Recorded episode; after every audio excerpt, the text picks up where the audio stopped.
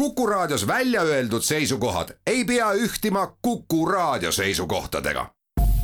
Te kuulate Kuku Raadiot.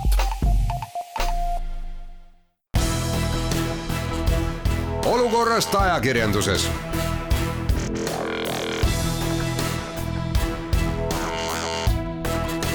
olukorrast ajakirjanduses. tere, te kuulate Kuku raadiot ja Kuku raadios on kaks vanameest viinavabriku kõrval, Väino Koorberg ja Rein Lang, kes hakkavad rääkima äh, Vene psühhorelvadest. me mõtlesime selle termini välja no sina mõtlesid, no mina mõtlesin termini välja ja kuidagi imelik on rääkida Vene kanalitest või Vene telekanalitest tänase päeva kirjus pildis. et need Vene telekanalid, mida me siin äh, nägime väga suure probleemina ja täiesti õigustatult. täna me avastame, et tegelikult on sadu ja võib-olla mitmeid sadu kõikvõimalikke internetisaite, mis on nii ruudomeeniga kui ka muude domeenidega üle terve maailma, mis siis edastavad väga lõbusasti neid kõiki neid Kremli jutupunkte ja üritavad maksku, mis maksab, siis äh, olla need inimhingede insenerid, kes äh, kallutavad inimesi siis uskuma seda möga, mida Kreml täna üritab maailmale serveerida. noh, vahepeal üritati rääkida, et sõda ei ole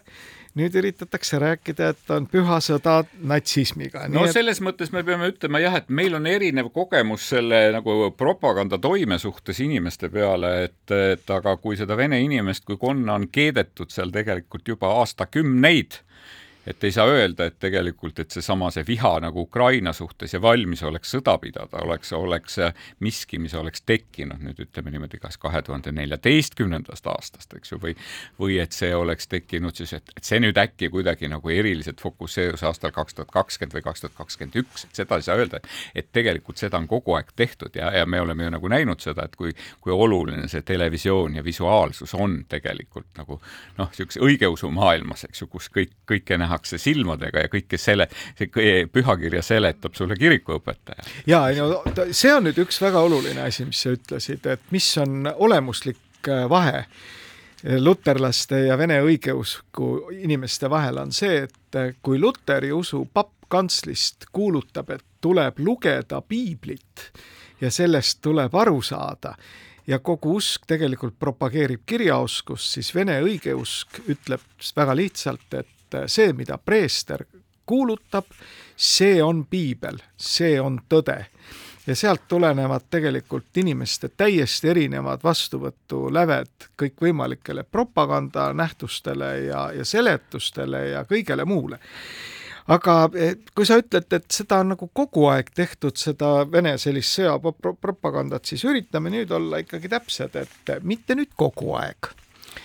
et see nähtus on siiski ikkagi äh, nagu kulmineerunus kuskil seal kaks tuhat neliteist peale seda, kui vallutati Krimm no kui me, ma ei ole sinuga selles mõttes päris nõus, sellepärast et, et, et,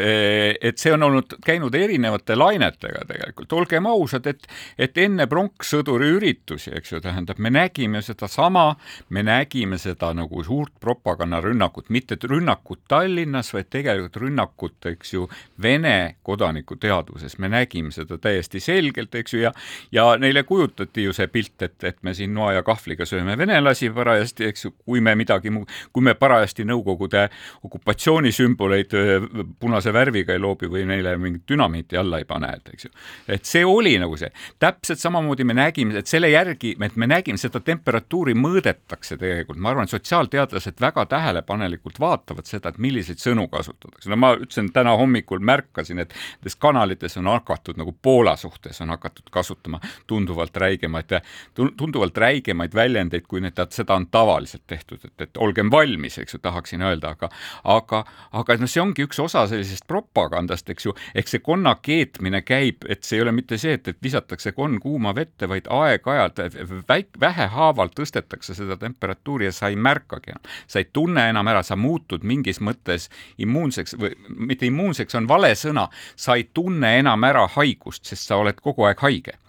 et ma arvan, et see on midagi niisugust. see, sellega tuleb nõustuda, aga samas sa ei saa ka ju eitada seda, et seda on kruvitud tõstetud, see on, see temperatuuri on ju tõstetud tegelikult äh, aastate lõikes. ei, seda, sellega ma olen nõus ja see on ja selles mõttes, kui efektiivne see on olnud, no ma lihtsalt omaenda kogemuse peal võin öelda, et, et ma, kui ma olen suhelnud oma vene tuttavatega, ma näen, kuidas nende sõnavarasse ilmuvad teatavad tugevad sõnad, näiteks Ukraina teemal rääkides, eks ju, mis ei ole seal varem olnud ja siis ma saan aru, et need sõnad, eks ju, või selline see tugevuse aste pärineb tegelikult kohalikust meediast. aga et seda on kogu aeg tehtud, et see, selle kohta sellel nädalal jälle Youtube'i ilmus suurepärane video, aga see ei olnud midagi muud, oli eh, ajalehe Kommersant, kõige esi-, ajalehe Kommersant asutaja ja kõige esimene peatoimetaja Vladimir Jakovlev. tema kirjeldas seda, kuidas talle, kui tema õppis ajakirjandust Moskva ülikoolis, et kuidas siis neile sõjalise sõjalise õpetuse raames, mis oli kõigile tudengitele kohustus, kuidas neil oli siis nagu sõjapropaganda või, või, või see lahingupropaganda eri, erikursus, eks ju, tähendab, salajane erikursus, kus siis õpetati, kuidas äh, vastase sõdurite peale, eks ju, suunata neid propagandavõtteid ja ja noh, ta seal on kirjeldanud noh, nelja kõige, nelja kõige tüüpilisemat äh, võtet, et äh, seal oli äh, see, et, et kuidas seda siis nimetada, rõmmegrööt või mädaheeringa, mädaheeringa võte, mis tähendab, et, et võetakse lihtsalt üks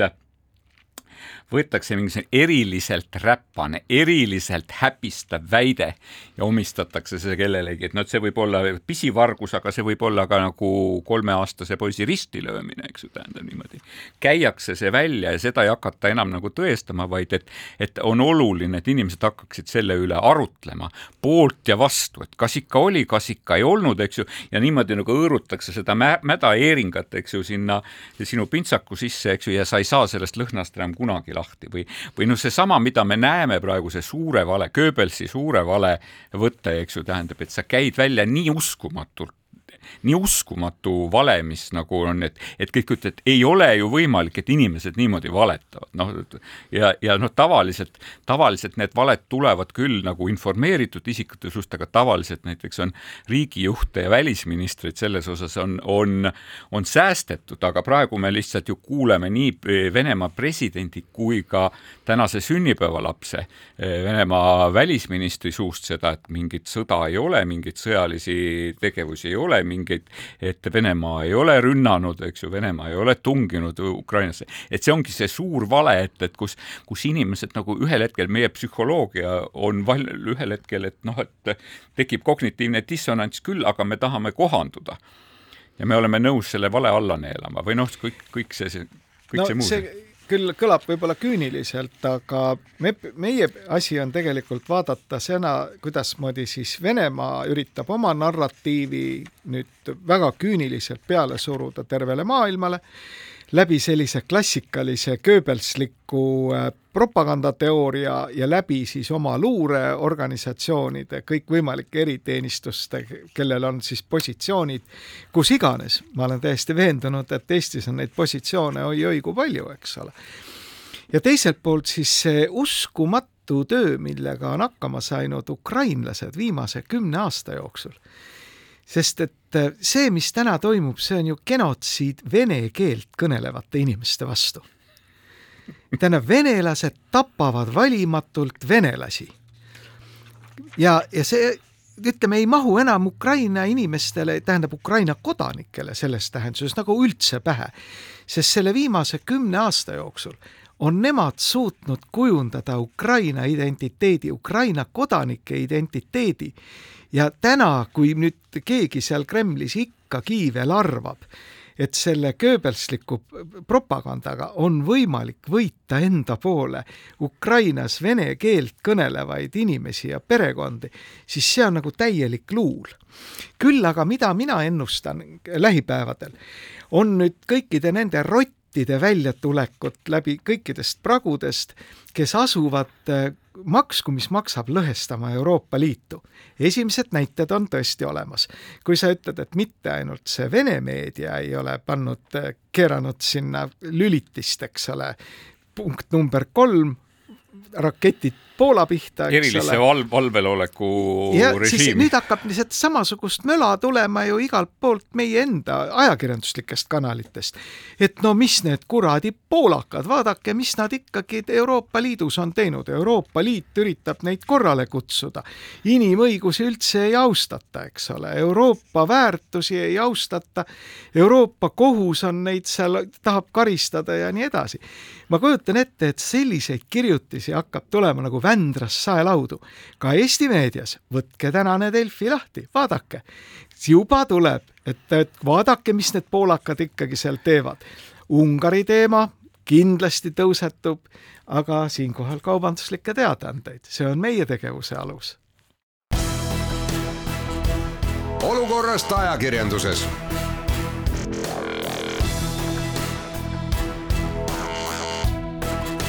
olukorrast ajakirjanduses. vanamehed viinavabriku kõrvalt äh, räägivad nüüd Vene psühhorelvadest. meie termin patenteerime, ärme tee mingeid pikki konstruktsioone nagu psühholoogilise rünnaku vahendid. psühhorelvad, telekanalid, portaalid, made in Russia ja neid on oi-oi kui palju ja mitte ainult .ru domeenidega nüüd äh, möödunud Eest... nädal tõi tegelikult uudise selle kohta, et, et terve hulk, äh, tervele hulgale kanalitele juurdepääs pandi Eestis kinni, et äh, no ikka väga vähestele seni, võrreldes no, see... Lätiga no ütleme niimoodi, et minu jaoks oli neid piisavalt palju. et siin selle, selle teema juures, et kas, kas see tegu oli õige ja kas tegu oli efektiivne, et, et on, oleme me Reinuga täiesti kardinaalselt erineval arvamusel vist. no mina vaatan seda natukene võib-olla teistsuguse pilguga kui sina, et äh, minu jaoks on tegemist ikkagi väga puhtalt selliste relvadega, mida täna sõjaolukorras tuleb tõkestada. loomulikult ma saan ja tunnen sulle kaasa, et sa ei saa jälgida kõike seda uskumatut Rein, kraami, mis sealt ma saan tuleb, seda aga... väga hästi jälgida, selles mõttes, et küsimus nagu ongi Ajutiselt. selles, et kes ma arvan, et ma kardan, et kes need tahab, kanalid saab, sulguvad üksteise järel. kes saab, kes tahab, see saab seda jälgida, selles, selle juurde, selles mul nagu erilist illusiooni ei ole, sest et ma saan aru, et pärast pärast äh, Instagrami, Instagrami kinnipanekut Venemaal, ma saan aru, Instagrami kasutajate hulk Venemaal vähenes vist mingi ligi nelikümmend protsenti. ta ei vähenenud nulli, Rein. tead, ma ikkagi ennustan sulle, et sul läheb selle materjali kättesaamine oluliselt keerulisemaks. aga mina arvan, et te tehnilise järelevalve amet ajab jumalast õiget asja. et ega siis seda tolereerida, et õigustatakse inimsusevastaseid kuritegusid, genotsiidi, valimatult tegeldakse sõjapropagandaga, siis Eesti seadused näevad ette, et seda teha ei tohi. midagi pole parata, riigiametid peavad paratamatult Eesti seadusi täitma. ja see, et nad on olnud nüüd eelmisel nädalal päris aktiivsed, on tõsi ja minu jaoks oli ikkagi nagu äärmiselt üllatav see, kuidasmoodi mõningad seltsimehed asusid nagu ründama selle peale Tehnilise Järelevalve Ametit. et kuidas te ikka nii teete? et noh, te näete, et siin edastatakse sõjapropagandat, aga meie tahame seda kangesti vaadata ja no minu jaoks kõige üllatavam oli ikkagi jah, see Eesti Rahvusringhäälingu teatud inimeste positsioon selles mõttes, et kohe tõmmati nagu saak käima. lugesin väga suure tähelepanuga eetikanõunik Tarmu Tammerki seisukohti, mis olid juba nii segased, et, et no üldse oli raske aru saada. Rein, ma ei ole selle, vot selle kohal ma pean, ma pean tõepoolest vastu vaidlema, sest et, et ühtepidi, et ka minu jaoks see, see seisukoht, eks ju, oli natukene teatud mõttes arusaadav, eks ju, niimoodi selles mõttes, et kirvega minna ja programmeerida äh, arvuti suur, suur aju, eks ju, tähendab niimoodi ümber, eks ju, on muidugi hea, aga kas sellel nagu pikas perspektiivis on suurepärast tulemust, ei ole ma sugugi kindel. et, et selles mõttes, et kui me nüüd vaatame, et kuidas tegutses, kuidas tegutseb meie suurepärane Roskomnadzor Venemaal, eks ju, nende, nende meediaettevõtete kinnipanemisega, telekanalite kinnipanemisega, eks ju, tähendab siis neile tehakse kõigepealt väike ettekirjutus, eks ju, soovitatakse eemaldada teatud materjalid, mis nende arvates sisaldavad, eks ju, mingisuguseid no ütleme, viiteid terrorismile, ülekutsed või midagi niisugust, eks ju. kolmanda ettekirjutuse järel, eks ju, tehakse siis nagu mingisugune lõplik otsus, vähemalt vormiliselt jälgitakse mingisuguseid reegleid ja kuigi see kummijoonlaud tundub olevat samamoodi sugune, et meil ei ole selgeid seisukohti, et mis, millised, millised äh, arvamused on keelatud, millised arvamused on lubatud, eks ju, siis okei okay,, see kirves langeb niimoodi ja, aga nüüd ei, sa panedki mööda ja, ja ei, täiesti. ei, ja ma, aga ma ei taha, ma, ma, ma tahan nüüd nagu öelda, et selles mõttes, et vähemalt ma ütlen, vähemalt nii, nagu seda on avalikkusele kommunikeeritud. et need põhjendused, need põhjendused on olnud, eks ju, sellised, et eh, kuidas see oli, et eh, üks veebilehekülg avaldas Vene Föderatsiooni presidendi kõne. Niimoodi, teine veebileht, okei okay,, avaldas Kadõrovi kommentaari, kolmas kajastas Vene välisministri sõnavõttu et eks ju tähendab, et puhtalt ma oletan, et isegi ka Aktuaalne Kaamera kajastas, eks ju, Vene presi-, Vene Föderatsiooni presidendi kõnet, eks ju niimoodi. Eh, ma arvan, et ka väga mitmed Eesti ajakirjandusväljaanded kajastasid Ramzan Kadarovi kommentaari, eks ju, et, et kus ta ootas, et ei jõua ära oodata, millal ta bandeeralastega lõpuks kokku saab ja saab neid ümber programmeerida kirvega, eks ju niimoodi. ja, ja, ja väga mitmed meediaväljaanded kajastasid Vene välisministri sõnavõttu, nüüd on on lihtsalt see küsimus, et kas me ei ava oma rinda nagu liiga avalikult, eks ju, ei, ei tõmba paljaks, eks ju, selle koha peal, et kus vastaspool ütleb, et palun väga, et te ütlete, et meil on, et te ütlete, et teil on põhiseadus, teil on seaduslik riik, teil on paragrahv nelikümmend viis, mis lõpeb sõnadega, tsensuuri ei ole. hakkame siis otsast lammutama, kallis sõber. esiteks, mis tähendab sõna tsensuur? tsensuur tähendab seda, et sa pead eelnevalt küsima luba mingite seisukohtade avaldamiseks ei küsi. tsensuur ei... võib olla ka järeltsensuur, ei ole see, see võib olla ka see, et sind karistatakse pärast, eks. sõjapropaganda ja inimsusevastaste kuritegude propageerimise tõkestamine on paraku siiski iga Eesti riigiasutuse kohus. nüüd minu meelest lähed sa samale liimile nagu need teatud Eesti haridustegelased, kes rääkisid mingit segast juttu, et nüüd peaks koolides tegema laiaulatusliku diskussiooni selle üle, et kuulame ära mõlema poole seisukoha. ma ei tea, diskussiooni et ma ei ole, aga ma oletan seda, et ma tahaks väga teada, kuidas natuke, koolides seda asja seletatakse. oota nüüd natuke. et see, et üks pool tuleb ja räägib, et ei, et meie teada, eks ole, toimub denatsifitseerimise protsess ja keegi pole üldse kunagi sõda alustanud ja üldse, et tegelikult see Mariupoli teater oli täis Azovi pataljoni võitlejaid, see on ühe poole seisukoht. nüüd teise poole seisukoht tuleb siis ütleme nii, et, et ei, et meie vaatasime CNN-ist, kuidas meil tapeti naisi ja lapsi. Ja nüüd me hakkame selle üle siis diskuteerima klassis või kuidas see asi nagu välja näeb, mida vaat, sa vaata, nagu vaata, tahad? vaata, Rein, mul nagu, mulle nagu, nagu selles mõttes ongi keeruline, et, et, et, et kui ma räägin kummijoonlauast, siis selles samas tehnilise, Tarbijakaitse Tehnilise Järelevalve Ameti ettekirjutuses on ju tegelikult nagu öeldud, et okei okay,, et, et tasakaalustav pool oli puudu, eks ju niimoodi, et nendele sõnumitele polnud lisatud konteksti, eks ju niimoodi. ja nüüd ma siis kujutasin ette, et eks ju tähendab, et kui me nüüd äh, kuule aval... lugu, Rossija TV-le tehti liiga nagu ma nüüd, ma nüüd nagu mõtlesin, et me oleme selgete reeglitega, eks ju, euroopalike väärtustega riigis, eks ju, tähendab, avaldame, avaldame Zelenski pöördumise, eks ju, kus ta ütleb, et, et eks ju niimoodi, et nüüd eh, annan loa, eks ju, kõikidele tappa iga venelase, eks ju, nii et ja nüüd, kas me peaksime sinna lisama konteksti ja kas me peaksime sinna lisama selle teise poole kommentaari? lihtsalt, et kas, et lihtsalt, kas me ei lähe nagu selle kummijoonlauaga aga mulle tundub, et sul on valitseb teatav segadus selles ei, mul ei valitse, ma tahtsin, hästi, sest lihtsalt... et sa ikkagi lähened sellele jamale, mida seal toodetakse, sõjapropaganda ehk relvadele, lähened ajakirjanduse kategooriatega. kahju, kahjuks ma peangi lähenema ajakirjanduse kategooria. aga see ei ole ajakirjandus. kuna e, e, e, see ei, ei ole ajakirjandus. Rein, ma saan, ma saangi aru, eks ju, tähendab, aga siis tulekski nüüd kuulutada, mis asjad ei ole ajakirjandus, et kas see nagu päris on õige, et me nagu riiklikku teate, teadete agentuuri nagu nimetame mitte ajakirjanduseks, eks ju, selle koha peal ma, ma ei, no jah, ma saan aru, et see on riiklik propagandaagentuur. kui tegemist on sõjapropagandaga, siis aga lihtsalt, sulgeda. lihtsalt küsimus on selles, et kas me peaksime selles osas kuulutama, et meil on, meil on sõjaolukord, meil on teised reeglid, kui on tavaliselt, sest mina kardan seda, et ühel hetkel, et me vaatame sedasama te tehni-, Tarbijakaitse Tehnilise Järelkaitse, Järelevalve Ameti tegevust, noh samamoodi nagu mäletad, me viskasime nalja siin koroona alguses selle üle, et kuidas nagu äh, terviseametile anti väl, väga suured volitused, eks ju, piirangute kehtestamiseks, ilma et meil oleks mingisugust hädaolukorda või eriolukorda kehtestatud mm.. kuidas politseile tegelikult anti, mäletad, me viskasime nalja selle üle, et kujutage ette, et politseil on, on õigus, eks ju, tähendab kärakamüüki hakata piirama. me viskasime selle üle nalja, eks ju, ja ütlesime, et kuidas see on võimalik seaduslikus riik. ma tahaks lihtsalt, et meil oleksid nagu selged reeglid ja ma tahaksin saada kindlat veendumust. praegu ma, ma ütlesin, ma ei ütle, ma näen, et tegelikult ja seda on ka tegelikult need sellesama otsuse kriitikud ütelnud, et et selle otsuse puhul, et õnneks sellele otsusele on kehtestatud ka, eks ju, teatavad, teatav ajaline kriteerium ja nii edasi, eks ju, et, et, et sedasama otsust või et sedasama jõudu ei saa kasutada näiteks Eesti mingisuguse meediakanali suhtes või Eesti, Eesti mingisuguse eh, veebisaidi suhtes, eks ju, ilma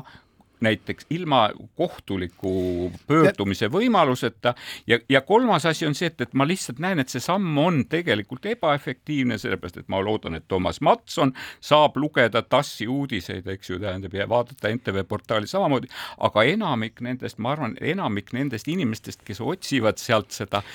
oma kinnitust omaenda eelarvamustele, et enamik neist inimesi tegelikult jõuab nende kanaliteni või ta ma... leiab, või tal leiavad uued, veel hullemad kanalid. tead, kui ma sind kuulan, siis mul kogu aeg ma näen ette selle konstruktsiooni, et kui Vene tank tuleb üle piiri ja ka ta järgib liikluseeskirju, et siis on kõik okei okay ja teda ei saa peatada ja peale seda ei tohi teda puruks lasta, sellepärast et on piisavalt tehnikahuvilisi, kes tahavad teada, kuidas see tank liigub. ma, ma arvan, ma arvan, Rein, et see võrdlus ei ole päris ma arvan, et see on täpne võrdlus, sellepärast et sa räägid, mida meie kõrval, sa, meie kui kõrval. sa nüüd natukene suudad vait olla ka, eks ole sellepärast, et see, mida sa räägid, on tegelikult tõepoolest ajakirjandusliku kategooria omistamine relvadele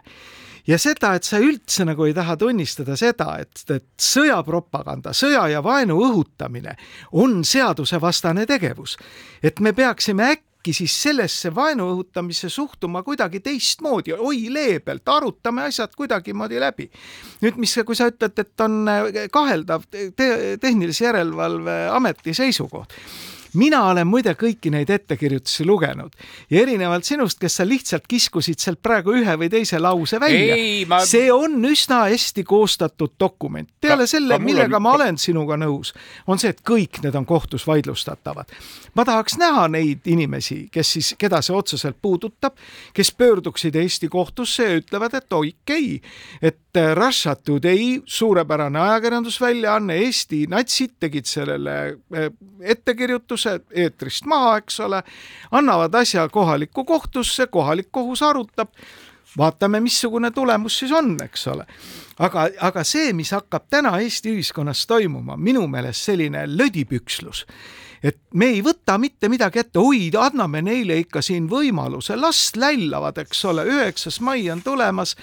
no teevad ühel rahvavabariigi lassist, teevad, eks ole, arutame asjad korralikult läbi, noh, pole, pole saan aru, et sa tegeled siin praegu nende õlemehikeste nagu püstitamisega, et me oleme, meil neid nähtusi on olnud, ma saan aru, et, et Kaitsevägi riietub erariietesse enne üheksandat, e-, enne üheksandat maid, et mitte nagu, et enne, nimelt, see ongi lödipükslus, ärme provotseeri, eks ole. et praegusel hetkel, aga ma lihtsalt, mida ma tahan veel öelda, et minu meelest see ei ole efektiivne samm. Minu meelest see ei ole efektiivne, sest ma arvan siiski, et, et suur hulk inimesi, kes,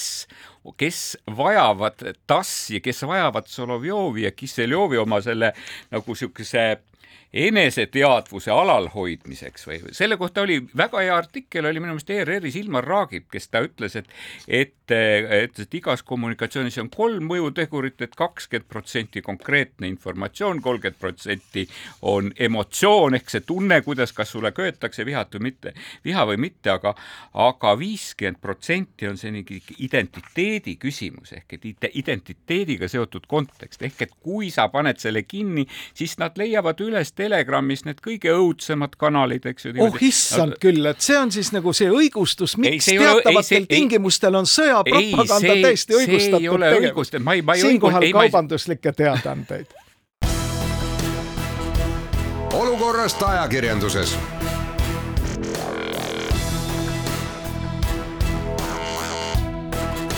olukorrast ajakirjanduses Väino Koorberg, Rein Lang rääkimas siis Vene psühhorelvadest. varsti me hakkame, varsti me hakkame ka otsima nagu sisemisi vaenlasi arvatavasti, reetureid ja sisevaenlasi, nagu Venemaal otsitakse. ei, minule meeldivad kõik need inimesed, kes täna ütlevad, et arutame ikkagi asja korralikult läbi, kuulame ära mõlemad osapooled ja siis langetame õiglase, igatepidi õiglase otsuse. noh, jah, et äh, räägime ETV Plussist, seal ju millesse on Eesti maksumaksja kallanud tohutu hulga raha selleks, et siis informeerida ausalt, objektiivselt,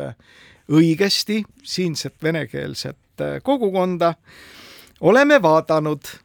ETV Plussi viimasel ajal, kus kohas see informatsioon küll on, ma ei tea, võib-olla on peidetud, kas sina no oled jah, aru saanud? E, e, et selles mõttes küll peaks ütlema, et, et ma mäletan, et me just nagu panime suured lootused meie venekeelsele kanalile ja tegelikult need lootused ju nagu need vajadus, eks ju, tähendab nõudlus selle informatsiooni järele nagu koledasti kasvas, eks ju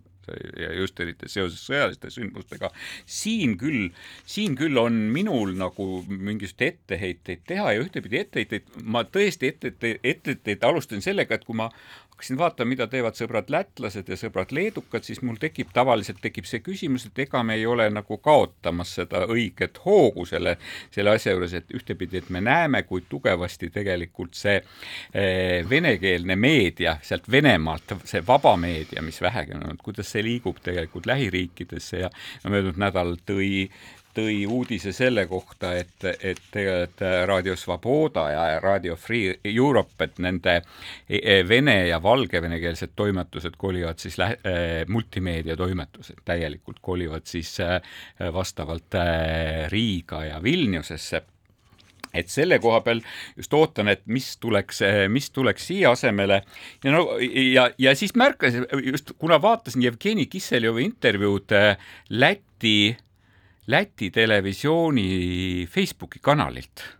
see oli väga huvitav, eks ju, ja siis vaatasin, et mida neil veel on, vaatasin, et oi kui huvitav kanal, ma hakkan seda kohe kindlasti jälgima, sellepärast et hästi palju päevakajalist materjali, vaatasin, et kui väärtuslik kanal see on eh, vene publikule, no ütleme ka nagu ajakirjandushuvilisele vene keelt oskavale publikule. ja selle peale läksin mina meie ETV Plussi Facebooki koduleheküljele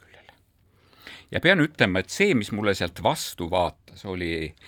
märtsis on kevad õh-, lõng-, hõngu tunda, et varsti saab lumikellukesi nuusutada. sealt ei vaadanud mulle vastu Ukraina sõda, mure Euroopa tuleviku pärast. tundus mulle täiesti selgelt, et see oli see teema, mida üritati sealt täiesti vältida ja ma noh, vaatasin tõepoolest, et see on väga suur kanal, seal on ligi sada viiskümmend tuhat jälgijat et see on väga suur auditoorium. nüüd ma mõtlen, et kas see auditoorium on eesmärk omaette, et püüame neid võimalikult palju saada, nagu Keskerakond püüab valijaid saada,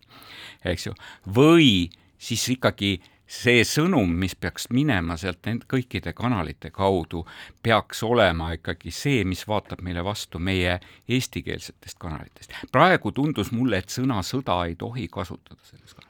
mulle tundus, et, et tegelikult Zelenskit ei tohiks sellel kanalil nagu näidata, eks ju, sest äkki see minu vene vaatajaskond äh, pahandab. no mina vaatasin äh, ka ETV Plussi tõsi küll, pean tunnistama, et mitte väga pikalt, et äh, mind see venekeelne meelelahutus väga ei tõmba. uudiseid, neid no, just nimelt, neid objektiivseid uudiseid peale seda, et algab kevad, ei õnnestunud mul sealt tuvastada küll aga tuvastasin ma sealt, tee, mis mulle vastu vaatas ekraanilt, olid Vene lipu värvid, mis olid väga ilusti kasutusel näiteks kõrvarõngastes, kampsunites. Juri Lotman muide sai sajaaastaseks, tuntud semiootika koolkonna asutaja. Tema oskas oma üliõpilasi ja ka teisi inimesi õpetada, kuidasmoodi sümbolite kasutamine käib. Pehmel moel, rahvaste sõprus, kõik need ilusad terminid nii et äh, alles hiljuti muide Eesti Vabariigi valitsus tahtis väga kõvasti tugevdada seda telekanalit, et äh, anda siis venekeelsele elanikkonnale objektiivset informatsiooni. sinna kallati minu andmetel kuskil üks koma viis miljonit eurot sisse, selleks et siis äh, saaks uusi kõrvarõngaid ja kampsuneid ilmselt. minul tekkis küsimus ja siis mul tuli meelde, tead, mis mulle tuli meelde? mulle tuli meelde siis, kui ETV Pluss valis endale uut peatoimetajat et siis äh, kerkis korraks üles küsimus, et kas võib tek-, kas võib probleeme tekkida sellega, et ETV Plussi peatoimetaja on Venemaa kodanik et võib-olla ma teen nagu hetkel liiga, eks ju, aga ma mäletan toona, et Erik Roose niimoodi täiesti selgelt kinnitas, et et küsimust, küsimust selles ei ole, et tegemist on hea professionaaliga, kes lähtub oluliselt neutraalsematest hoiakutest kui mõned Eesti kodanikud, kellega koos võib-olla luurele ei läheks.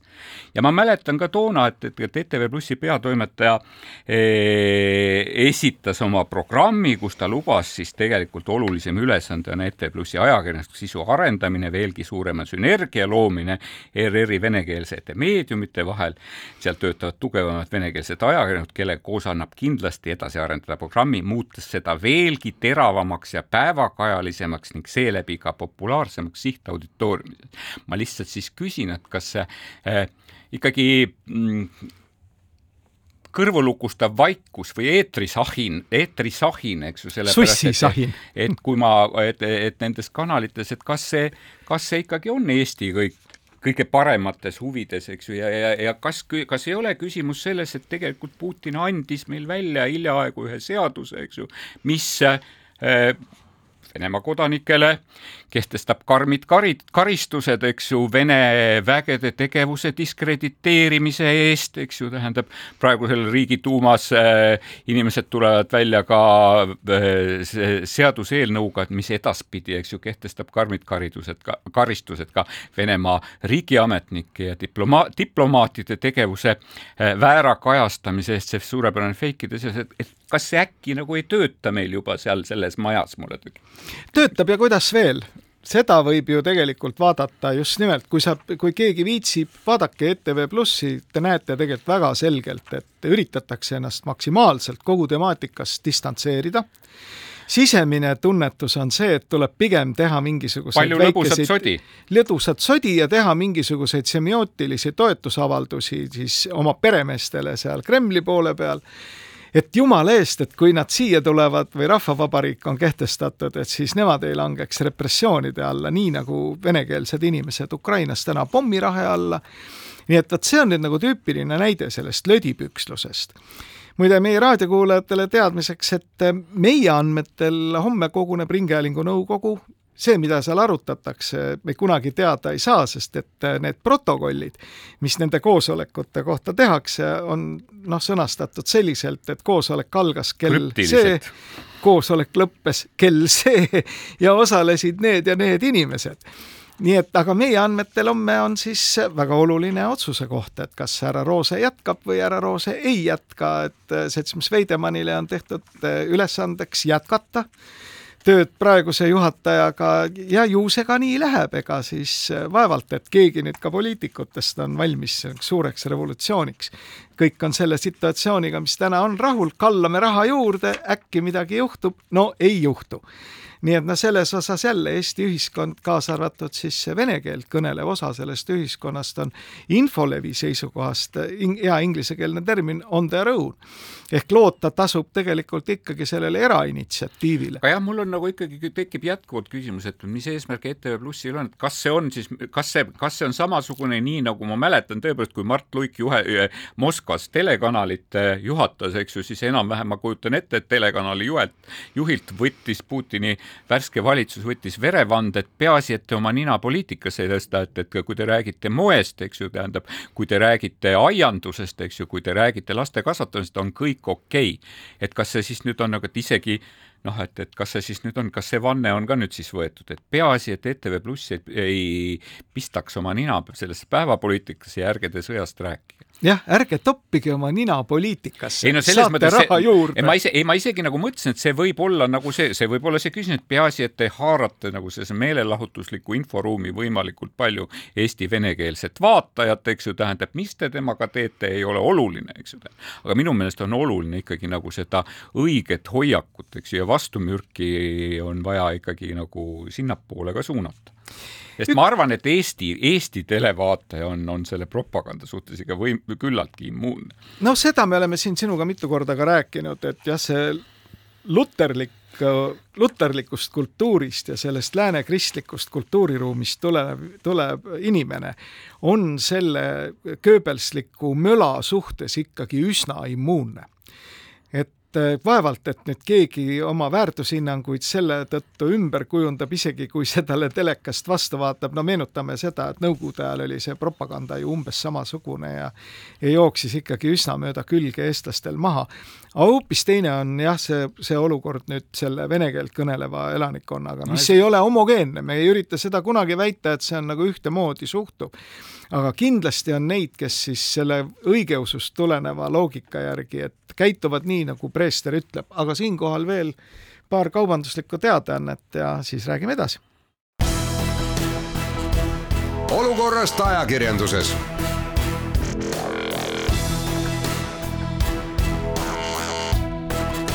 Olukorrast ajakirjanduses. Rein Lang ja Väino Koorberg endiselt räägivad ajakirjandusest ja Vene psühhorelvadest, jätame need Vene psühhorelvad nüüd siinkohal äh, sinnapaika. ma jõin vahepeal natukene külma vett ka ja rahunesin mina maha. soovitan sul võtta kaks külma õlut ja mõelda sügavalt järgi selle kõige peale, aga hüva e, ajakirjanduse üks põhirolli on tegelikult äh, vaadata seda, et kõik need ärid, mida meie ümber tehakse, oleme ju tegemist ikkagi kapitalistliku maaga, et need paistaksid kuskilt otsast läbi, inimesed saaksid aru, kus kivi all vähid peidus on, eks ole, kes mingit business't ajab, noh, nii nagu igas teiseski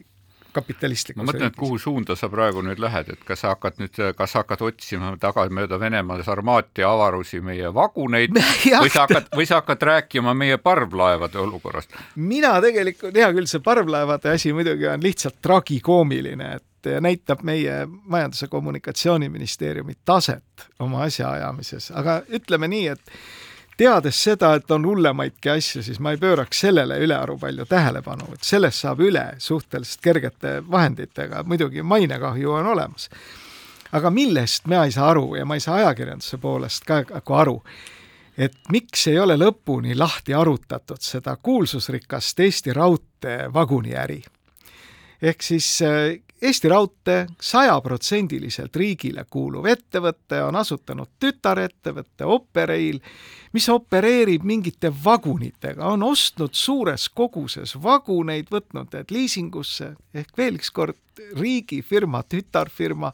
kaudselt sada protsenti kõigile Eesti äh, elanikele, kodanikele kuuluv ettevõte ja need vagunid vuravad siis põhiliselt Venemaal ja ka Soomes. Valgevenesse võib-olla ka viiakse nendega ka... siis nagu igasuguseid toredaid sõidukeid, mida pärast saab Ukraina traktoritega põllu pealt ära vedada või? jah, ega me ei välista seda, et neid on kasutatud ka Vene agressiooniväe varustamiseks näiteks, eks ole. mida siis kangelaslikud Valgevene partisanid peavad hakkama neid kraavi laskma nagu Teise maailmasõja ajal. et tuli ju nüüd siin nädalavahetusel ka see teade, et Valgevene raudteelased olevat takistanud siis raudteeühendust Valgevene ja Ukraina vahel, millega tõesti varustati Vene vägesid. et kui seal on ka, sõidavad Operaili vagunid, no siis minu meelest on see lihtsalt jabur. täpselt sama jabur, nagu oli omal ajal nende Vene telekanalite nuumamine Eesti reklaamiga. Eesti reklaamiandjad viisid vabatahtlikult raha vahendusfirmadesse, kes tassisid seda Vene psühhorelvadesse. ei, minu meelest möödunud nädalal oli tore lugu Ekspressis ka sellest, et kuidas nagu, kuidas me selle äh, vedelgaasi terminaliga nagu midagi ei tahtnud midagi ette võtta ja kui, kui toredasti me tegelikult ikka gaasitoru otsa istuda no see tahtsime. nüüd ei ole nii lihtne, nagu jällegi nüüd eh, seekord ajakirjandus no arvatavasti leidub inimesi, kes ütlevad, ka vaguniäris on nagu keerukamaid momente. ei, aga selle gaasitoruga on jah, tõepoolest, et Euroopa Liit oli omal ajal valmis toetama kas siis ühte LNG terminali või siis seda Soome-Eesti vahelist gaasijuhet muide, ma ei ole tänaseni aru saanud, et mis halba selles gaasijuhtmes siis Eesti ja Soome vahel nagu on, eks ole. ei nojah, et kui see nagu, kui, kui, kui, kui nagu selle tulemusena tegelikult meil see LNG terminal nagu saigi äh,, jäigi olemata, eks ju, siis on see no,, siis jah, see aga, kahju oli võib-olla. aga samas jällegi täna on Soome-Eesti ikkagi gaasitorustikuga ühendatud ja küll see LNG terminal ka tuleb, kui teda ikka tõesti nagu vaja on. iseasi on jah, tõesti see, et kumb oleks pidanud olema varem selle üle võib muidugi rääkida ja, ja soomlased kinnitasid, et tuleb sinna ka see LNG terminal ja mida võis ka tegelikult muidugi ette aimata, et Vene Gazprom tõmbas soomlastel naha üle kõrvade selles, selles küsimuses, aga aga ikkagi see Operaili äri, noh, see on kuidagi väga kummaline ja ega neid ärisid on ka teisi, mis on seotud Venemaaga ja lõppkokkuvõttes, kui keegi riskib omaenda rahaga, teeb venelastega mingi äri, mille tulemusena ta kaotab selle kõik, mis tal on, mida tuleb ju täna ette. ega siis need ettevõtted, kes on viimasel ajal saanud ka suuri kasumeid Venemaalt, ei ole täna sugugi väga heas olukorras. aga see on nende oma risk, nende oma raha aga kui riik mängib riigiettevõtete kaudu nagu maksumaksja varadega, siis see on nagu enam kui kummaline ja enam kui kummaline on see, et ajakirjandus ei pööra sellele mingit tähelepanu. või on siis jällegi ka see, et need suured riigiettevõtted omavad piisavat jõudu selleks, et maksta avalike suhete firmadele, kes siis omakorda, eks ole, mõjutavad ajakirjandust. Rein, Rein, jah, ma saan aru, et sa nagu praegu survestad ajakirjandust selle teemaga tegelema, nii et, et ütleme selle siis ka otse välja, välja ja tuleb alati vaadata, et kes, kes, kus siis millise kasu saab, et eks meie oleme ju seda, oleme päris mitme teema juures üritanud üritanud äh, seda prožektorikiirt sinna suunata, et noh, ütleme kogu aeg, no meil on alati see valupunkt Reinuga tavaliselt siis, kui me autot tankima läheme, eks ju, tavaliselt, eks ju. et, et noh, täpselt samamoodi ju tegelikult äh, me võime ikkagi nagu rääkida, et, et okei okay,, Eesti ei ole saar, möödunud, möödunud nädalal äh, Õhtulehe loo põhjal ma võisin teha järelda, Õhtuleht vaatas, vaatas ka seda, et kus on odavam tankida ja kas Eesti on, kas Eesti, Eesti, Eesti kütusehinnad on midagi midagi erilist, ütleme Euroopa hindadega võrreldes ja no sealt sain ma küll tõdemuse, et et me oleme nagu odava kütuse riikidest liikunud vähem odava kütuse riikide juurde, kuid selles alati põhjus on loomulikult aktsiisid, eks ju, tähendab loomulikult on põhjus, põhjus, põhjus põhiliselt aktsiisides, eks ju, lugesin ma kütusefirma osalusel välja antava väljaande küljest, aga, aga no hästi, minu meelest väga märgi-, väga, väga, väga, märgi-. oota, Väino, see oli nagu tore mõistukõne, et kütusefirma osalusel nimetame asju õigete nimedega lõpuks ometi, et pomm on pomm. Alexela omab poolt Õhtulehte. No sa ei, tsiteerid Õhtulehte. et ma, et ei julge midagi väida, ma ei, ma ei, mina näiteks ei taha väita, aga ma, ma ei saa seda ka päris väitmata jätta, et niimoodi panid tähele huvitavat lauset praegu. aga lihtsalt, et küsimus on selles, meie oleme rääkinud ju seda, et ikkagi väga veidralt liiguvad kütusehinnad Eestis, eks ju, selles mõttes, et et me ei, ühtepidi võime küll rääkida jah, et, et et kui me vaatame Baltikumi hindu koroona ajal, et mäletad, kui, kui bensiiniliitri hind, eks ju, sinna nagu Läti Lätis, Leedus vist alla euro langes, eks ju, siis see kuidagi nagu Eestis ei, ei liigatanud sammugi, et noh, täpselt samamoodi, et Toomas Vabamäe on siin Facebookis just toonud toredad numbrid, kuidas kuidas see päev pärast Venemaa kallaletungi kirjutas ERR, et Brent Brenti toornafta hind oli sada üks koma kolmkümmend viis dollarit barreli kohta, samal päeval maksis bensiiniliiter üks kuuskümmend üheksa siis kakskümmend viis veebruar. viieteistkümnendal märtsil kirjutas ERR, et Brenti toornafta hind on sada üks koma seitsekümmend ehk kolmkümmend viis senti rohkem barreli kohta, aga üheksakümne viie oktaanine bensiin maksis üks üheksakümmend ehk see on üks kaheksakümmend üheksa üheksa, eks ju niimoodi,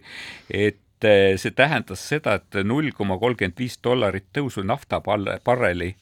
mis see üks barrel on sada viiskümmend üheksa liitrit, hinnas tekitas kakskümmend senti tõusu bensiiniliitri hinnas. ütleb, et teate, esitab küsimuse, et kuhu see raha siis jäi ja, ja noh, selle kohta, kui, kui hakati küsima, siis, siis me jälle näe-, ma veel kord ütlen, et, et kui keegi teeks ära selle toreda kokkuvõtte kõikidest põhjendustest, millega seda bensiini hinna volatiilsust on meil seletatud, et siis sellest saaks ühe naljaka kokkuvõtte, sest et nüüd on põhjuseks nii see kõike, kütuse, kallima hinnaga soetatud kütuse, kütusevaru, eks ju, tähendab, nüüd selgub, et ka arveldushinnad on teistsugused, loomulikult on dollari ja euro kurss oluliselt nagu vahepeal nagu muutunud volatiilsemaks ja nii edasi ja nii edasi, nii et põhimõtteliselt rumal, kes põhjendust ei leia ja ei, seda me oleme vist nii lõpmatuseni rääkinud, et jällegi tahaks nagu loota, et kuskilt otsast tekivad need ajakirjanikud, kes selle kõik nagu kuni pisikeste detailideni lahti viitsiks kiskuda. Postimees on olnud siin viimastel päevadel üsna tubli tegelikult paljastamaks siis puidutööstuse huve. teadupoolest siis puidutööstus esines sellise jõulise avaldusega, et kuna Valgevenest ja, ja Venemaalt enam puitu kätte ei saa ja nende tootmisvõimsused on suured, et siis oleks vaja kuidagimoodi nüüd kompenseerida see RMK raiemahtudega, et äkki Postimees võtaks ka selle kütuse, autokütuse asja nagu ajada, et oleks ju täitsa mõistlik. mina tahan enne lõppu kiita tegelikult Kanal kahte Ukraina toetuskontserdi eest, mis oli tegelikult äh, üks väga tore samm, eks ju, tähendab äh, just äh, erameedia ja eratoetajate koostöös tehtud asjaga. jah, aga sellega on ka meie saade lõppenud. meie saadet jääb täna lõpetama üks väga eriskummaline muusikapala. tegemist on Tšernigovi Ukraina rahvusansambliga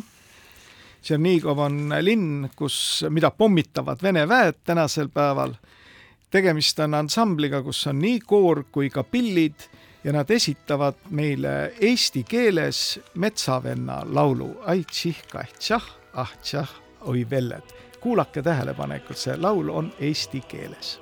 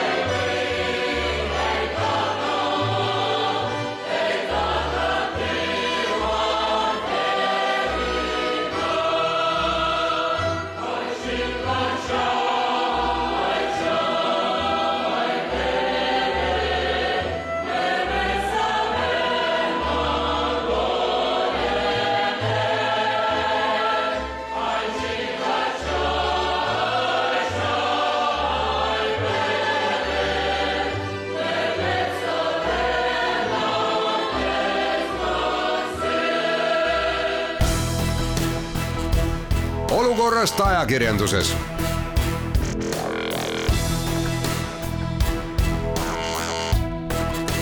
olukorrast ajakirjanduses